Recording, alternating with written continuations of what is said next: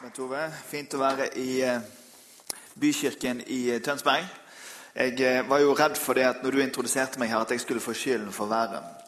For det bruker å være sånn. Vi har hatt altså noe sol i, i ti dager i Bergen, og så, og så kom jeg hit. Men det er greit. Vi snakker ikke mer om det. Du, jeg, Det er ikke så lenge siden jeg var her sist. Jeg tror det var på Get Focused. Så var jeg her. Da var det fullt med unge voksne her. Da tenkte jeg wow. Tenk hvis det var sånn på søndagene i, i menighetene våre at uh, disse unge voksne sant? Det skjer noe i et liv når du er ferdig med 20-årene og du er ferdig å være idealist og du tror at du kan redde verden og forandre alt på en helg. og du får deg et rekkehus og, og et par barn og en Opel som ikke vil gå og sånn. Da skjer det noe med treffpunktet med realismen som gjør at vi mister litt for mange Jesus-etterfølger i den perioden av livet. Fordi den perioden av livet virker å være det største exoduset fra den kristne menigheten. Ikke bare i Norden, men også i Nord-Amerika, i Canada og andre steder. Så merker vi at det stedet i livet hvor flest sier takk for nå, vi kommer tilbake om noen år, det er rundt den perioden. Men jeg tenker med meg sjøl at det må kunne an å gjøre noe med det. Så da fikk jeg veldig håp når jeg var her sist eh, på Get Focus. Du fikk treffe så mye folk her borte, og jeg fikk lov til å være her på en, på en, en, en av kveldene der.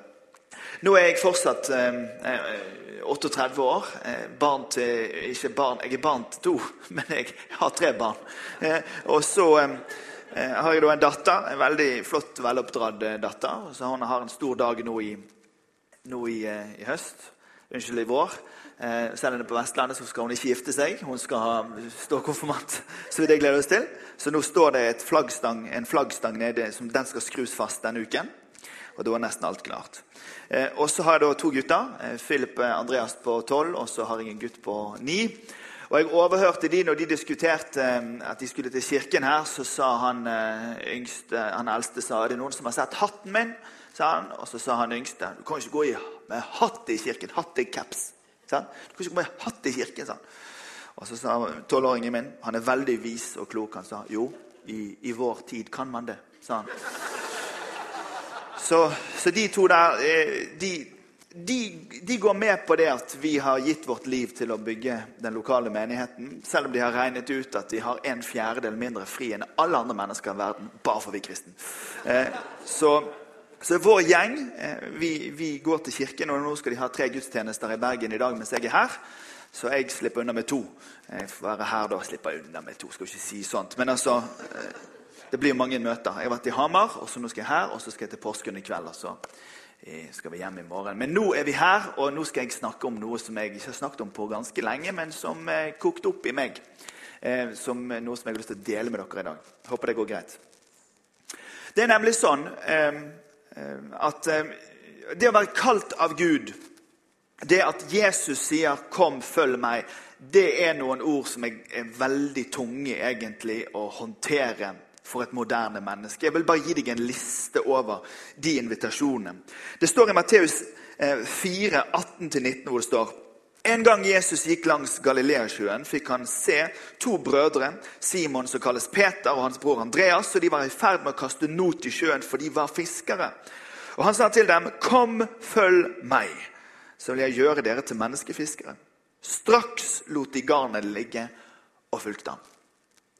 Jeg syns det virker helt sprøtt og uansvarlig og rart og utfordrende. Men det slutter jo ikke der. Matteus 8,22.: Følg du meg, og la de døde begrave de døde.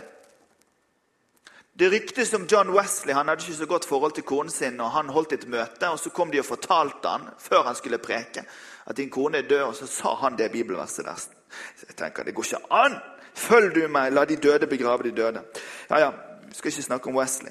I Matteus 9,9 så står det derfor gikk Jesus videre for jeg se en mann som satt ved tollboden. Han heter Matteus, og Jesus sa til ham, 'Følg meg.' Og han reiste seg opp, og han fulgte etter. I Matteus 10,38 står det, 'Og den som ikke tar opp sitt kors og følger etter meg, er meg ikke verdig'. Matteus 16, 24, 'Om noen vil følge etter meg, må han fornekte seg selv, ta opp sitt kors og følge meg.' Av Matteus 19, Vil du være helhjertet, så gå bort og selg det du eier, gi det til de fattige, og du skal få en skatt som er i himmelen. Kom så og følg meg. For meg så virker dette fullstendig uoverkommelig.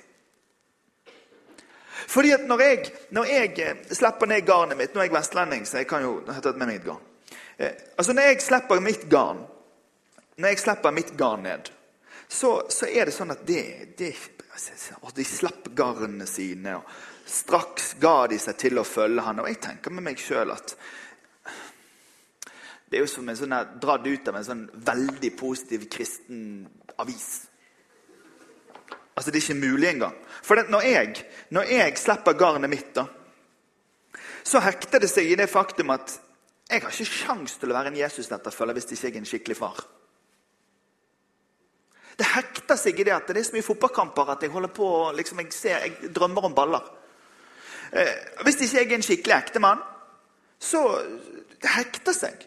Og Hvis ikke jeg er en ordentlig sjef på jobben, og jeg følger den rollen som jeg har på jobben min, og oppfører meg som en tyrann der og sjefer over alle, det hekter seg.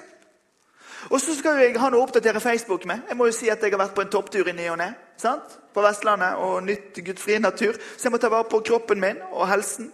Og så ikke noe med det, så kan jeg ikke bare være en sånn profesjonell kristen. Jeg er nødt til å være en disippel av Jesus også. Så når jeg går gjennom utfordringene som jeg opplever i det å høre kallet om å følge Jesus i det moderne Norge, vel, så er det ikke bare for meg å slippe nota og gå. Jeg må ta med meg alt når jeg følger Jesus. Og Noen ganger så ser jeg i våre pinsekarismatiske, litt sånn øh, åndelige miljøer at vi åndeliggjør disse tekstene så mye at vi, vi mister litt kontakten med det levde livet. Og jeg har lyst til å ta deg med helt til det levde livet i dag. Og så stiller dette spørsmålet Hvem er det som klarer å følge Jesus i det moderne Norge? Hvem er det som klarer å ta det fra disse svære, flotte ville begrepene fra vekkelsesmøtene hvor vi sier 'jeg vil gi deg alt', og etter vi har gjort det, så går vi hjem og ser på sporten. for det var jo bare noe vi sa, men ellers så må vi finne ut av hvordan livet ligger an ellers. Bill Hybels, pastor for Willow Creek-menigheten i Chicago, etter 40 år så gjorde de en undersøkelse som de kalte 'Reveal', eller 'Oppdagelsen'. Og De spurte noen spørsmål til menigheten. Hvordan er det å være en kristen her i denne menigheten? Og Det de kom fram til, var at den største usikkerheten som folket hadde, var dette. Hvordan ligger jeg an i mitt personlige disippelskap? Altså, hvordan eh, ser Gud på meg nå når jeg følger Jesus? Hvordan ligger jeg an i forhold til det pastoren forventer av meg? Hvordan ligger jeg an i mitt personlige disippelskap? Og jeg har et mål om om at vi i det moderne menighetslivet i Norge skal få et språk rundt hva det vil si å følge Jesus. Slik at det ikke bare blir med åndelige ord eller begreper som vi nesten ikke tror. Men ta det helt ned til der hvor vi lever vårt liv i vår hverdag. Der hvor vi lager vår kalender, og der vi gjør våre valg og prioriteringer. Er dere med på det? Det er mitt mål for de, for de neste minuttene. Forut. hvis jeg hvis jeg ikke skal være Jesus-etterfølger i Norge og det vanlige livet, i forstaden med tre barn og Volvo og, og, altså, Sånn som livet egentlig er for mange av oss. Hvis jeg ikke skal gjøre dette, så, så kan jo jeg gå i kloster. Og det er kjørt for min del, da, men du som fortsatt har valget, du kan jo vurdere det. Men det er litt det vi noen ganger tenker at vi må gjøre også. Altså, vi, må, vi, må, trekke oss inn i en type sånn intens menighetsvirkelighet hvor vi må stenge disse tingene ute. Og fordi mange tenker at vi må stenge ute alt for å klare å følge helt, så får vi dette triste eksoduset fra menighetsarbeidet. Og så velger vi, fordi vi klarer ikke å velge alle, så velger noen å bare kaste seg helt inn i jobben. Jeg er bare jobbmann. Det er bare jobbmann. Og så er det noen eh, som, som sier jeg er bare familiemann eller dame. Og så blir man familieegoister. Selv om det høres veldig riktig ut, så blir det bare familien som gjelder. For noen blir det bare jobben som gjelder. For andre blir det bare fritiden og vektløftingen og sykkelen som gjelder. Og for andre blir det bare Gud og Jesus som gjelder. Og da blir jo man idiotforklart i det norske samfunnet. Utfordringen er å leve som en etterfølger av Jesus på alle disse arenaene. For mange år tilbake så tok vi et valg i vår familie at vi kan ikke lage et regnestykke over du hadde vært så mange timer i kirken, så mange timer på jobben, så mange timer på treningsstudio, så mange timer på fjellet. Vi slutter å lage regnestykkene. Vi bestemmer oss for at dette er et liv. Og dette livet følger vi Jesus med. Og Hvis man klarer å gjøre den prioriteringen, da tror jeg at det er mulig å høre kallet om å følge Jesus. Skal vi ta og lese? Fra Lukas kapittel 18, vers 35-43. Det er min tekst i dag. Og så skal vi eh, pakke den ut og se om det kan hjelpe oss litt i dag. Da Jesus nærmet seg Jeriko, satt en blind mann med veien og tigget. Mannen hørte at det var mye folk på veien,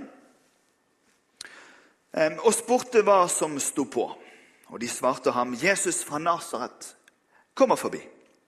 Da ropte han, 'Jesus, du Davids sønn, forbarm deg over meg.' De som gikk foran, snakket strengt til ham og ba ham tie, men han ropte bare enda høyere, 'Du Davids sønn, forbarm deg over meg.' Og Jesus stanset og ba at den blinde skulle føres til ham. Da han kom nærmere, spurte Jesus ham, 'Hva vil du at jeg skal gjøre for deg?'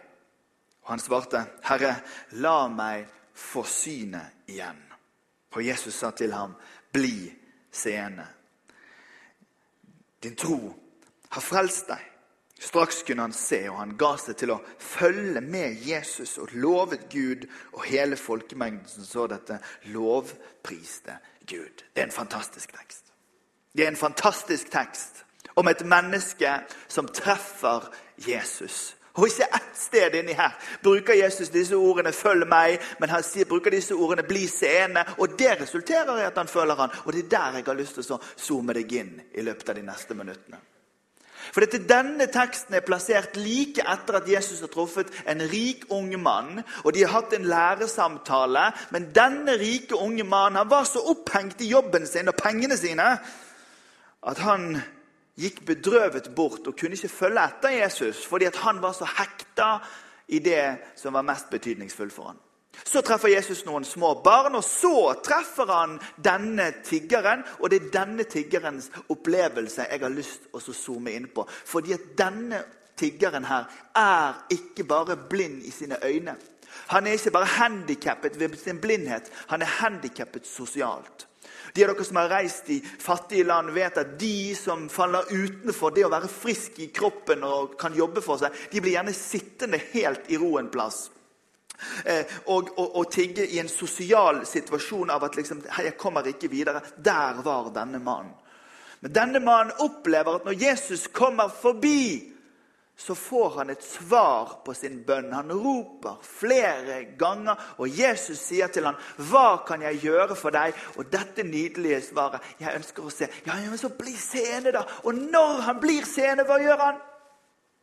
Han som kunne ha reist seg opp da og gått ut på rismarken og jobbet, eller gått bort i en snekkerbod og begynt å, å, være tømrer, eller gått bort på et aksjekontor og begynt å selge aksjer, eller reist bort og så blitt helsepersonell, eller gått bort og så reist jorden rundt og på interrail. Han kunne gjort alt dette han kunne gjøre, men det han gjør, er at han velger å følge etter Jesus. Fantastisk. Fordi at han får et nytt liv. Han får et nytt perspektiv. Han ga seg til å følge Jesus. Nå er Jeg bygd litt, jeg er bygd ganske positivt inni hodet mitt, men jeg er ganske lik alle andre mennesker. Det Hvis det er et hvitt ark en plass og det er en svart flekk på det, så ser jeg den svarte flekken. Altså, Jeg har et behov for å finne ut hvorfor det er en svart flekk på det hvite arket. Så jeg, Når jeg tester en sånn tekst, så spør jeg meg sjøl hvor lenge fulgte denne mannen Jesus, tror du? For det står jo ikke noe her om at han fulgte han i en uke, en måned, to år, til han var ferdig på bibelskole. Til han hadde vært eh, idealist og vært med i Natur og Ungdom og litt i, i FrPU og, og litt i antibompenger rundt Tønsberg-kampanjen. Og så ga seg. Ludvig Karlsen er et navn som noen av dere kjenner. Ludvig Karlsen lå på gata i hele Norge, var rundt omkring og, og eh, drakk og, og, var rusmisbruker. Og så møtte han Jesus eh, seint på 70-tallet, tidlig på 80-tallet. Og det Ludvig gjorde etter at han ble reist opp og ble seende, det var at han begynte å følge Jesus. Og så tenkte jeg dette burde jo andre òg gjøre. Så inviterte han andre med seg til å følge Jesus. Og De siste 30 årene så har vel Evangeliesenteret vært det største mirakelet som har skjedd på pinsekarismatisk side siden krigen, tror jeg. Fordi at det har ført tusenvis av tusenvis av tusenvis av mennesker opp fra regnesteinene og inn i et helt nytt liv. Det er fantastisk. Og Jeg fikk lov til å prate med Ludvig noen ganger.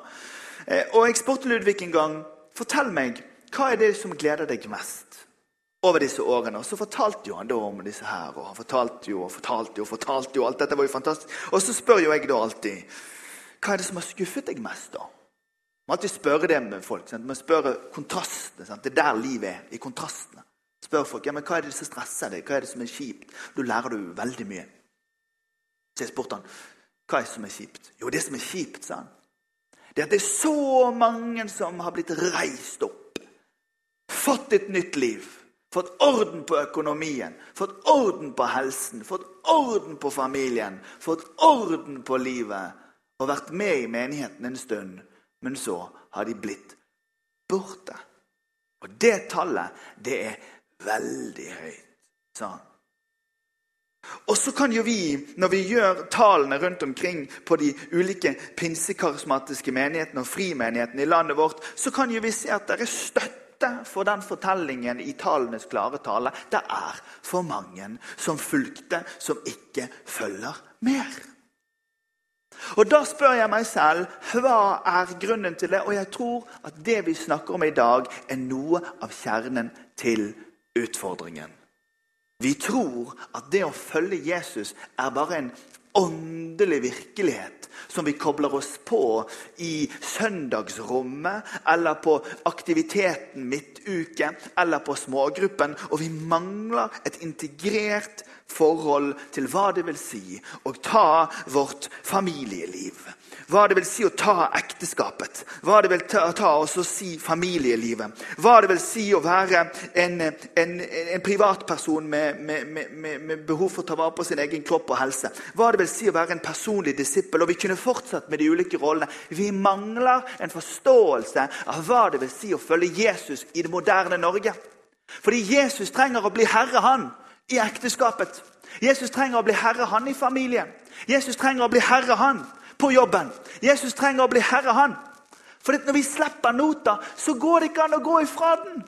Da blir vi idiotforklart. Da sier folk at vi er svermeriske, gale kristne. Vi trenger å følge Jesus med et helt liv.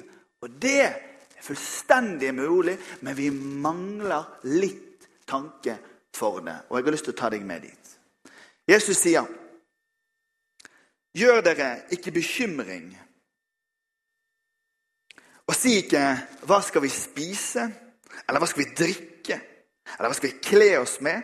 For alt dette er hedningene opptatt av. Men den far dere har i himmelen, vet at dere trenger alt dette. Søk derfor Guds rike og hans rettferdighet, og så skal dere få alt det andre i tillegg. Gjør dere ikke bekymringer for morgendagen. Morgendagen skal bekymre seg for seg selv. Hver dag har nok med sin egen plage. Vi lever i en tid og i en verden som Gud har skapt, og som i sin materie er ok og god. Det er ingenting galt med verken god mat og ferier og hytter og hus og biler og sånn. Det er ingenting feil med det. Det er helt greit, og det er skapt av Gud. Spørsmålet er hva er det som står først på lista når vi ser på våre personlige verdier? Og det er det Jesus snakker om her. Han sier til oss når dere skal tenke gjennom hva som er viktig for dere, når dere skal snakke om deres egne personlige verdier, pass da på at det er Guds rike som er verdi nummer én. For det fins to drivkrefter i denne teksten. Det er én kristen drivkraft, og så er det en hedensk drivkraft. Og den hedenske drivkraften kommer først. Den sier 'gjør deg ikke bekymringer om hvor dere skal på ferie i morgen'. Sitt ikke rundt og snakk om at dere skal male veggen for femte gang denne vinteren. Vær ikke så himla opptatt av at dere skal få byttet ut den bilen med det greiene som dere er opptatt av. Og vær nå ikke så opptatt av å få lagt ut disse fantastiske bildene av disse barna deres det øyeblikket de smiler litt, sånn at alle kan trykke like, like, like, like, like på Instagram. Pass nå ikke på å være så opptatt av alt det styret. Søk Guds rike med hele deres liv. Og så vil det falle på plass, dette som handler om familien og ekteskapet, og jobben og fritiden og helsen og Hør! For det fins en hedensk drivkraft som sier 'jeg vil ha, jeg skal ha, jeg vil ha', jeg vil ha. Og så fins det en disippels drivkraft som sier, 'Herre, her er mitt liv'. Det er ditt rike jeg søker. Og i det moderne Norge så er det veldig mange som snakker om at vi må følge hjertet vårt, og at vi må følge magefølelsen vår. Og Vi kristne vi tenker at det er flott å leve i en sånn en myk tid, hvor folk er opptatt av indre verdier, som må følge hjertet sitt. Men du vet, det er jo et bedrag. Det var en ung mann som skulle slutte i menigheten vår for noen år tilbake. og Grunnen til at han skulle slutte, det var at han måtte følge hjertet sitt. Og min kone sa vet du, det spiller da ingen rolle at du skal følge hjertet ditt. Det spiller noen rolle hvem som er herre i hjertet ditt. Det er jo det det kommer an på. Men vi lures noen ganger, vi kristne, vi lures litt grann, av litt begreper og sånn. Og så glemmer vi at Jesus ønsker å lede oss på alle nivå i livet vårt. Og så lover han oss at alt skal falle på plass bare rekkefølgen er riktig. Og hvis du er enig i det, så kan du nikke litt lett karismatisk. I romjulen så, sendte, så kjedet min sønn på åtte seg. Så sa jeg du får bare gå ut og hogge ned et tre, da. sa Jeg Jeg ville bare ha han unna. Så så jeg ut vinduet, og der gikk han lille tassen i boblejakke ned og gjøv løs på et tre. Um, han fikk det ikke ned. Det gikk én time. Jeg visste at øksen var sløv. Uh, men det er jo på Vestlandet, dette, så treet kom jo ned den natten. Det blåste jo ned da. Så Vi... Men jeg visste at den øksen som han fikk når han gikk ned i hagen, den var så sløv at det kom til å ta veldig lang tid. Og hvis den bommet, så ble det ikke så veldig dypt sår. Um... Det var en amerikansk president jeg tror det var Roosevelt, som sa det at om jeg, om jeg fikk en time på å hogge ned et tre, så hadde jeg brukt den første halvtimen på å kvesse øksen og så hadde jeg brukt resten av tiden til å ta ned treet. Hvilke verktøy har du og jeg i våre hender i vårt liv? Hvilke verktøy kan vi ta i bruk for å forsøke å forstå hvordan vi kan følge Jesus på alle disse ulike områdene? For mange mange år siden så eh, ble jeg klar over dette med rollene mine. Eh, og eh, har egentlig brukt dette med de ulike rollene som jeg har i mitt liv. Jeg har brukt det som en måte å planlegge livet mitt på. Jeg sier ikke at det er perfekt, men jeg sier det har i hvert fall hjulpet. Det hadde vært mye verre hvis jeg ikke hadde gjort det. Så når jeg ser på en uke, når jeg ser på en måned, når jeg ser på et halvår, så tenker jeg jeg kan ikke bare jobbe, for jeg er jo den type superfokusert mann. Så jeg, jeg kan fort ende opp og bare jobbe. Og det er det, kanskje den største klagen jeg får hjemme. Det er at jeg er litt for opptatt av det jeg holder på med. Sant? Så hvis vi sitter og spiser middag, og jeg ikke svarer, og jeg bare sitter og ser ut i luften sånn, så sier borgerne han er på jobb. Sant? Det er jo skikkelig flaut for meg. Ikke bra. Men så må jeg se på okay, jeg har, jeg har de timene i uken som jeg, som jeg er på jobb. Eh, og så har jeg har jeg, altså, i likhet med de fleste i Norge, et, et, et voldsomt fokus på dette med, med familie og unger og, og, og vet du, det, Dere aner ikke, dere som er generasjonen over meg, hvor utrolig mye gruppepress det er på disse fotballbanene om at vi må være der på hver eneste kamp. Det er helt sprøtt. altså. Vi bruker jo år av livet vårt på kunstgress, vi eh, som har barn i fotballen. Men jeg må investere noen timer og være litt til stede der. Og det må jeg ha et forhold til. Det er en av mine roller. Jeg er far for ungene mine på på kulturting og på idrettsting. Og da må jeg legge det inn og være til stede der. Og så kan ikke jeg tenke For her har jeg gjort feil, vet du. I begynnelsen å herlighet. Jeg og fruen skulle på date. Folk sa dere må gå på date. Jeg sa ok, vi skal gå på date. Hva er en date? Vi går på en date. Så, så vi kom på date vet du, og sitter der og kjempekoselig og lyser. Og sånn, og så, så vi snakker snakke om ungene. Ja, han er litt løs i magen, han der. Ja, hun er sånn. Ja, Hvor gøy er det da på en skala? Og Da skjønte vi ganske tidlig at det er stor forskjell på foreldrerollen og ektemakerrollen. Og det er to roller som må ivaretas. Og Så kan du gå til jobben, og den var vi på, så kan vi se på dette med fritid. og sånn. Jeg er utrolig glad i friluftsliv. Jeg tror friluftsliv er noe av det, det er fordi jeg er på Vestlandet. En nydelig plass for friluftsliv. Fikk inn en topptur på tirsdag på ski. Helt fantastisk. Jeg gikk med en tidligere eh, NM-mester i skiskyting. Jeg gikk med feller og, og kolsapparatet mitt og talte i tunga. Og han, eh, han bare sprang i fiskebein. Men det, det gikk greit. Eh, jeg lurer meg sjøl av og til vet du, at jeg har mye fritid ved å gå og kjøpe sportsutstyr. Jeg går, jeg, går, jeg går, inn på sportsbutikken og kjøper sportsutstyr og tenker ja, det var en fin tur. Altså, skjønner du? Men altså, hvis man ikke planlegger for det, så blir det ikke. Fordi at så mange av oss blir sittende igjen som et offer av at jobben tok for mye, barna tok for mye, forventningene fra fruen tok for mye. Og så, og så havner vi i ubalanse. I Aftenposten i går sto det en artikkel om kvinner. Om den triple effekten av forventninger som er på moderne kvinner i dag. Jeg anbefaler dere å lese den. Kvinner som skal klare alt. Kvinner som skal bake alt mulig og ha femretters middag på en tirsdag og se ut som de er 25 når de er 95. Sant? og så skal være i Barcelona og på jobben og jobbe fulltid og ha en Gucci-veske og være på tur med venninnene sine og opprettholde alle nettverk og trykke like, like, like på alle vennene sine, så at de kan få litt likes igjen. Men vi girer opp et trykk i den måten vi lever livene våre på, som gjør at vi blir så opptatt av det andre at vi glemmer å søke Guds rike først. Og Jeg sier til enhver karrierekvinne søk Guds rike først i din jobb. Min kone jobber fulltid i et konsulentselskap. og hun, hun, gjør det, og så gjør hun de andre rollene også. Hun er mitt forbilde på det, for hun klarer balansen. Men det koster jo kraft å gjøre det. Men vet du, jeg tror at når vi søker Han først og ber Han om hjelp til det, og avsløre noen av de tingene, mekanismene som skjer i det norske samfunnet i dag, som jager oss opp i et tempo så at vi blir fartsblinde. Vi blir ansvarsblinde. Vi blir familielykkeblinde. Vi blir eh, eh, eh, treningsblinde. Noen blir religiøst blinde. Men vet du, denne blinde tiggeren var blind inntil Jesus kom forbi. Og vet du hva jeg er redd for? At vi alle er blinde. Blinde av ansvar, blinde av trøkk, blinde av forventninger. Det er noe jeg kjenner mest på i mitt personlige liv, og nå er jeg veldig åpen med deg, så er det forventningene. Det er som et hav av usynlige tråder av folk som trekker en i all mulig. Man blir så forventningstrøtt til slutt. Man blir så ansvarstrøtt. Man blir blind av at alt fyker forbi i et vanvittig tempo. Så sier Jesus til oss Søk mitt rike først.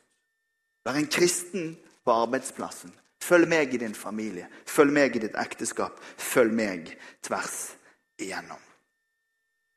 Den anglikanske erkebiskopen Rowan Williams han sa det slik at et disippelskap det er det som skjer når et menneske møter den oppstandende Jesus og setter seg for å bevare og fordype dette møtet i fellesskap med andre mennesker.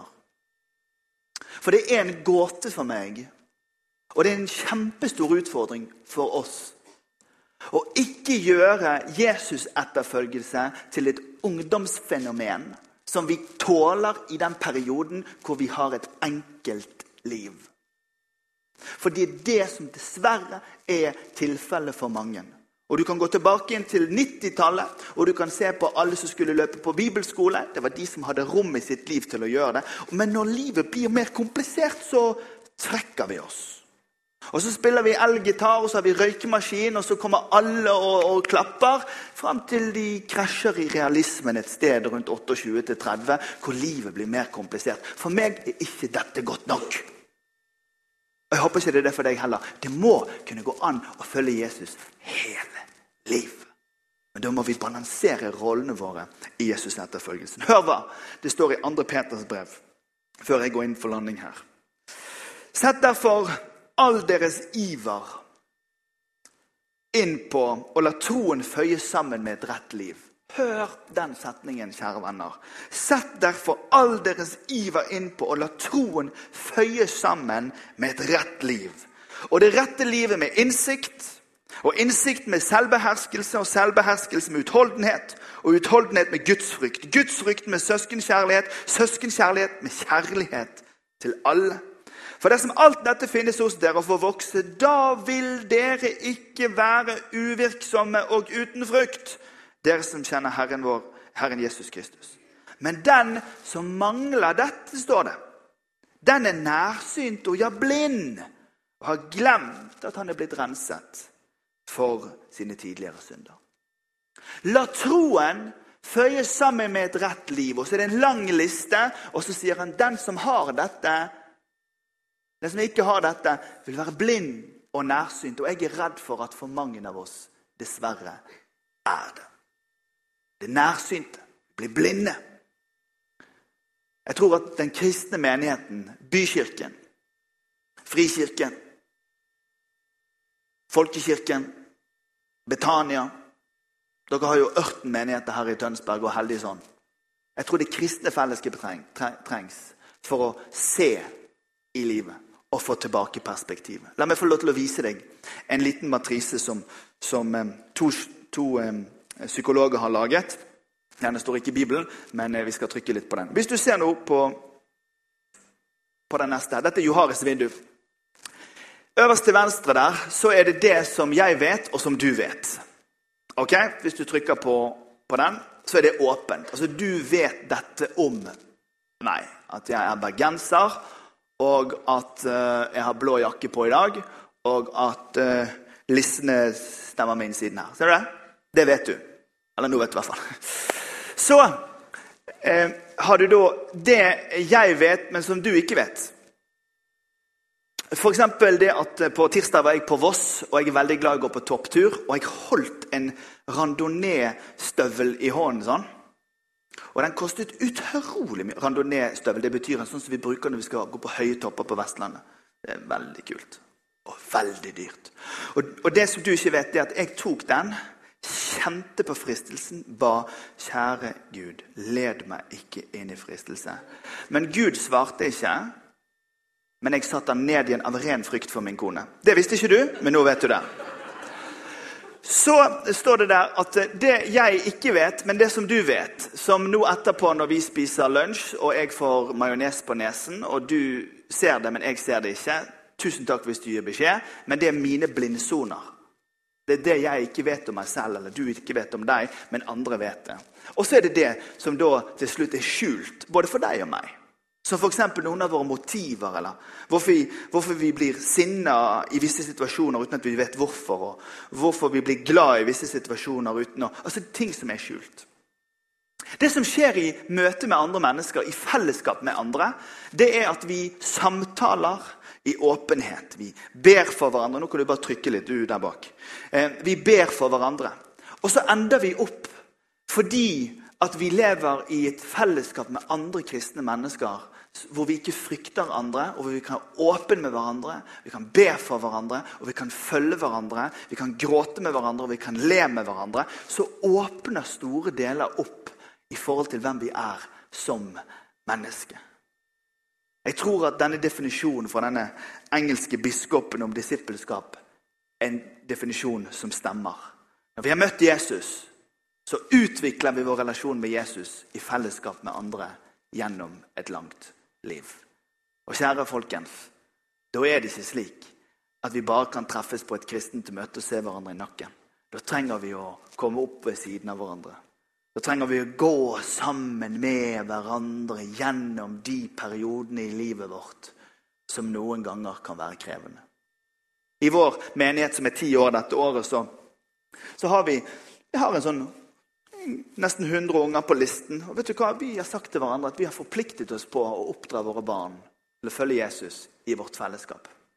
En gang i året så har vi en dag som vi kaller for Sammen. Hvor, nå var det akkurat 150 mennesker på den ekteskapsdagen hvor vi snakket om samlivet oss imellom. Vi har eh, laget til et opplegg i kirken vår hvor vi prøver å få en 40 år gammel doktor til å være mentor for 10-12 doktorstudenter. Så prøver vi å gjøre det samme med rektoren overfor lærerne. For det er å hjelpe folk i den neste livsfasen å være Jesus-etterfølgere på jobben sin. Så prøver vi å gjøre artige ting som handler om å leve et helt liv. Så vi ikke blir sånne idiotkristne som bare blir opptatt av åndelige ting, men være hele i livet vårt. Så vi, masse folk som går på tur og ekstremsport og tjo og hei og masse gøy som skjer. for vi prøver å ta vare på det. Og så snakker vi dypt om det å være en disippel av Jesus. I, I, denne måneden som har gått nå, så har vi lest Lukas' evangelium sammen. og Lært folk en liten sånn bibellesningsmetode. Og så har vi sagt at vet du hva, har du 20-25 minutter for dagen vet du? Kanskje bare 15, eller noen har 35. Men invester litt tid i din hverdag på din relasjon med Jesus, ditt disippelskap. Men dette i balanse med dette, i balanse med dette, i balanse med dette, i balanse med dette, fordi at vi har ett liv i etterfølgelse av Jesus. Skal vi reise oss opp og be i sammen? Thomas var veldig nervøs når eh, Jesus skulle gå.